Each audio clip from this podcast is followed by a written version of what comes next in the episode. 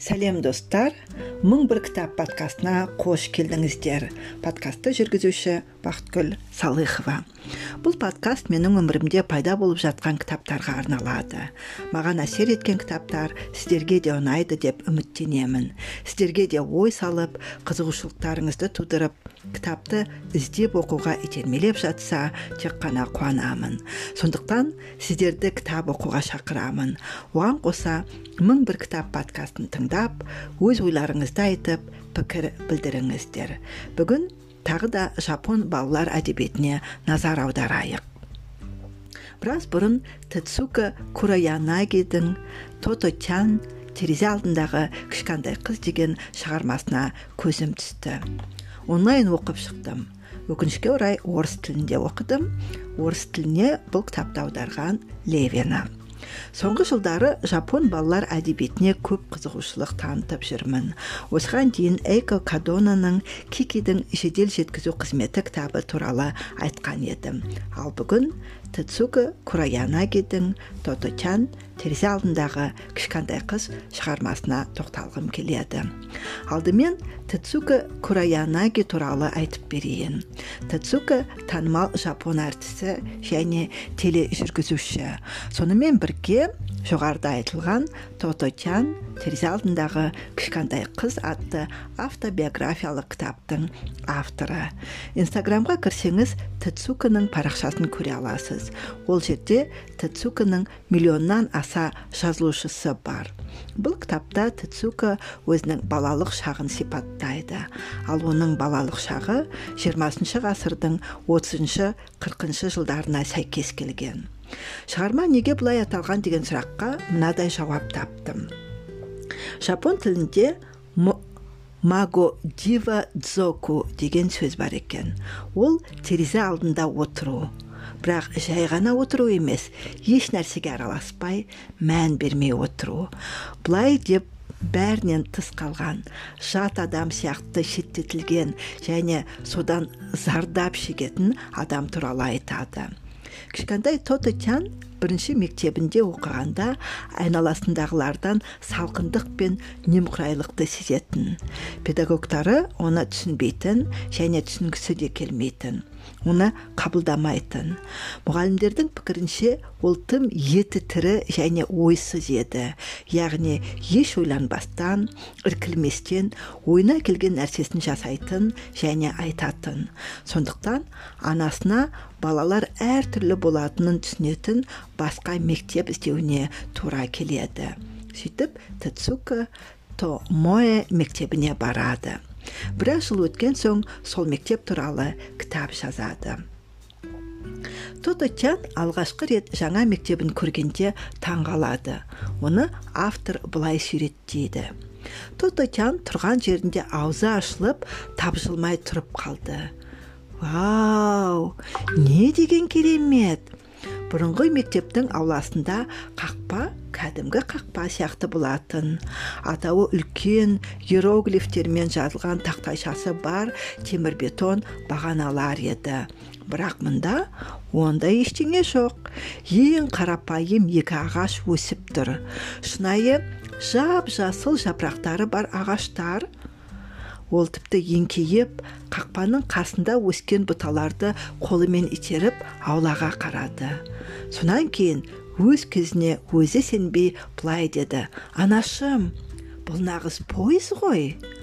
Расында да аулада өңі кетіп жатқан алты вагоннан тұратын нағыз пойыз тұрды.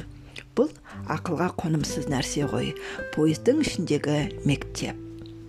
Пойыздағы мектепті көргенде көпшілігіміз кішкентай тецукудан немесе үйде қызды еркелетіп атайтын тото чаннан кем таңғалмадық ал вагон сыныпқа кіріп партаға отырсақ одан да бетер таңғалар едік Тамоэ мектебінде оқушы қалаған жерінде және қалаған адаммен отыруына болады кем дегенде күн сайын жаңа орынға ауысуға болады. Және сабақ кестесі де жоқ еді. Кесте жоқ дегенді қалай түсіндіруге болады? Ол былай екен. Бірінші сабақтың басында мұғалім тақтаға күні бойы оқитын барлық пәндер бойынша тапсырмалар мен сұрақтарды жазып қояды. Сонан соң мұғалім ал енді бастаңдар қалаған сұрақтан бастай беріңдер дейді. Керемет қой. Қаласаң жапон тілінен қаламасаң арифметикадан бастауға болады. Шығарма жазғанды жақсы көретін адам шығарма жазады. Ал химияға әуес адам колбада спирт пештің жалына бірдеңе қайнатады.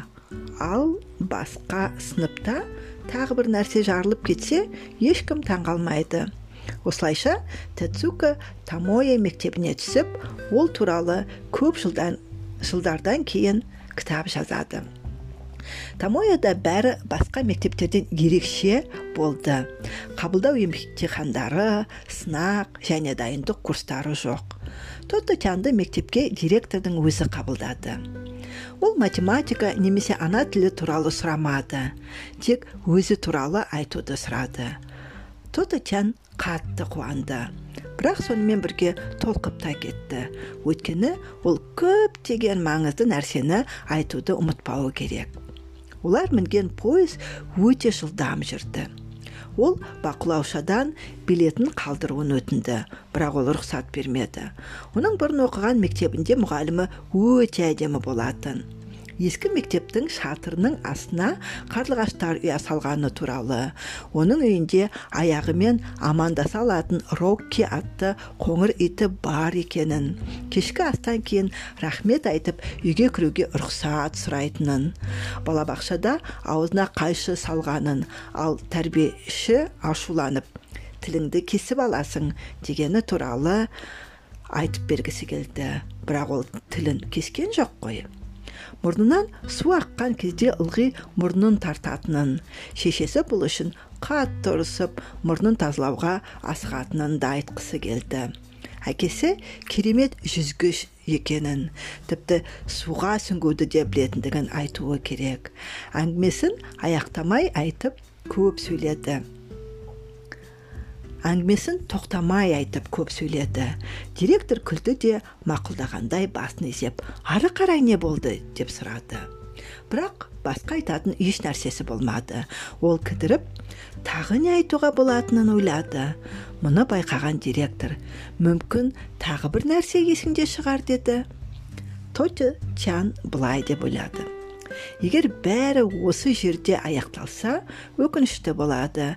Өйткені өзін мұқият тыңдайтын адамды тағы қашан кездестіруі мүмкін? Ал тағы не айтсам екен деп ұзақ ойлады да есіне түсті. Көйлек. Орындықтан секіріп түсіп жағасын ұстады. Міне анама жағам ұнамайды одан басқа ойына ештеңе келмеді. Сонда директор орнынан тұрып үлкен жылы қолымен басын сипап ендеше сен бүгіннен бастап біздің мектептің оқушысысың деді. Сосако кобаяши барлық бюрократия мен қағаздарды дипломдарды уақыт кестелерін жек көретін бұл мектептің директоры еді.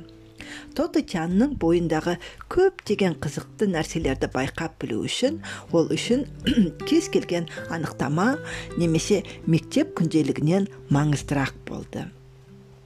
Мектептегі сабаққа деген көзқарасы да солай еді. Әрине мектепте мұғалімдер болды. Бірақ әдеттегі сабақтар мен мұғалімдермен қатар мысалы бақша мұғалімі кохум бутсу дан келген шаруаның сабағы болды.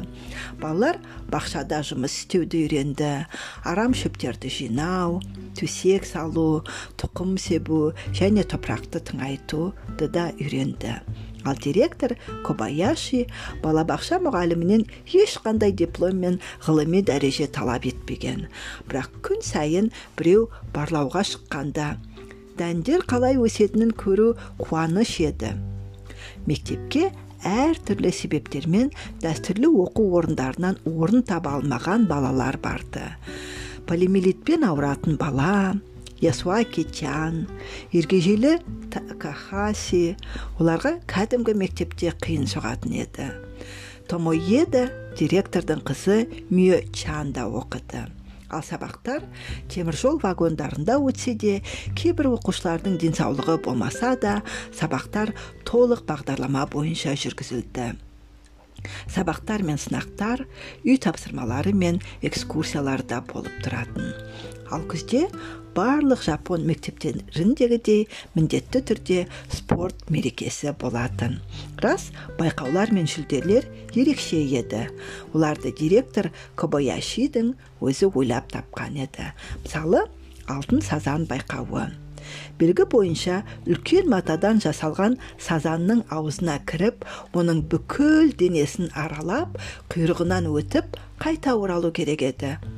Бұл оңай деп ойлайсыз ба мүлде олай емес ұзын сазанның іші қараңғы және адасып кетуге болатындай үлкен еді тототян жаңа ғана кірген жерінен басын бірнеше рет шығарып алды да асығыс қайта шықты ал көрермендер тамаша көңіл күймен бақылап отыратын немесе тағы бір ойын бар ол анамды табу ойыны деп аталады бүйірімен қойылған ағаш баспалдақтың арасынан өтіп қоржынға жүгіріп ол жерден тапсырмасы бар конверт алу керек.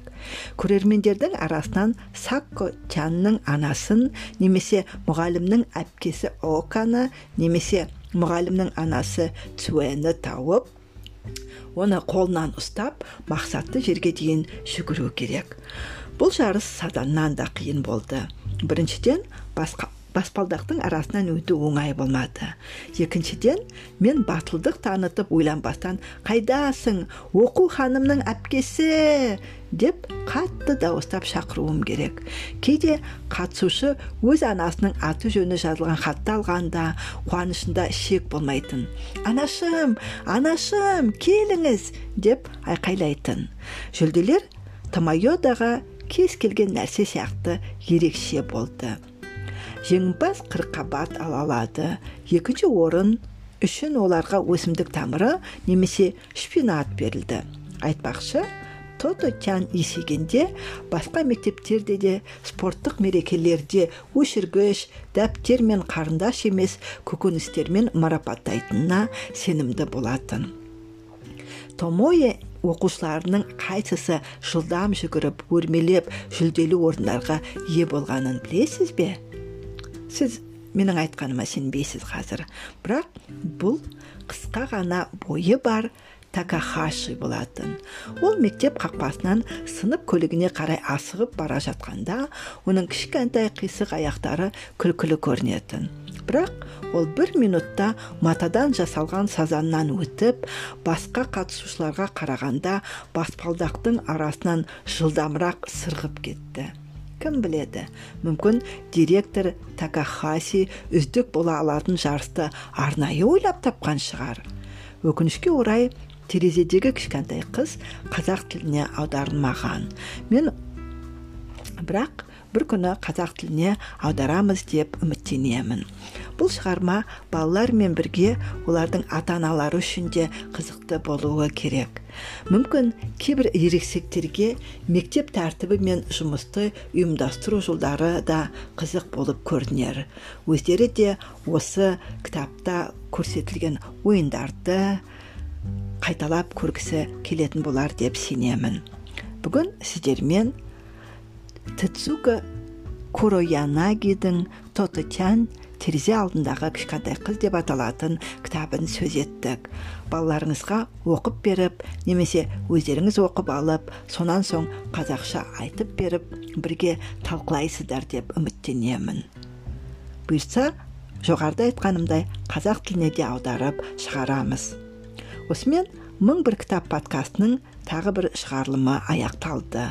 Сіздермен бірге болған бақытгүл салыхова құрметті тыңдарман кітап оқыңыздар ойларыңызды кеңейтіп өздеріңізді дамыта түсіңіздер сіз өзгерсеңіз әлем де өзгереді келесі кездескенше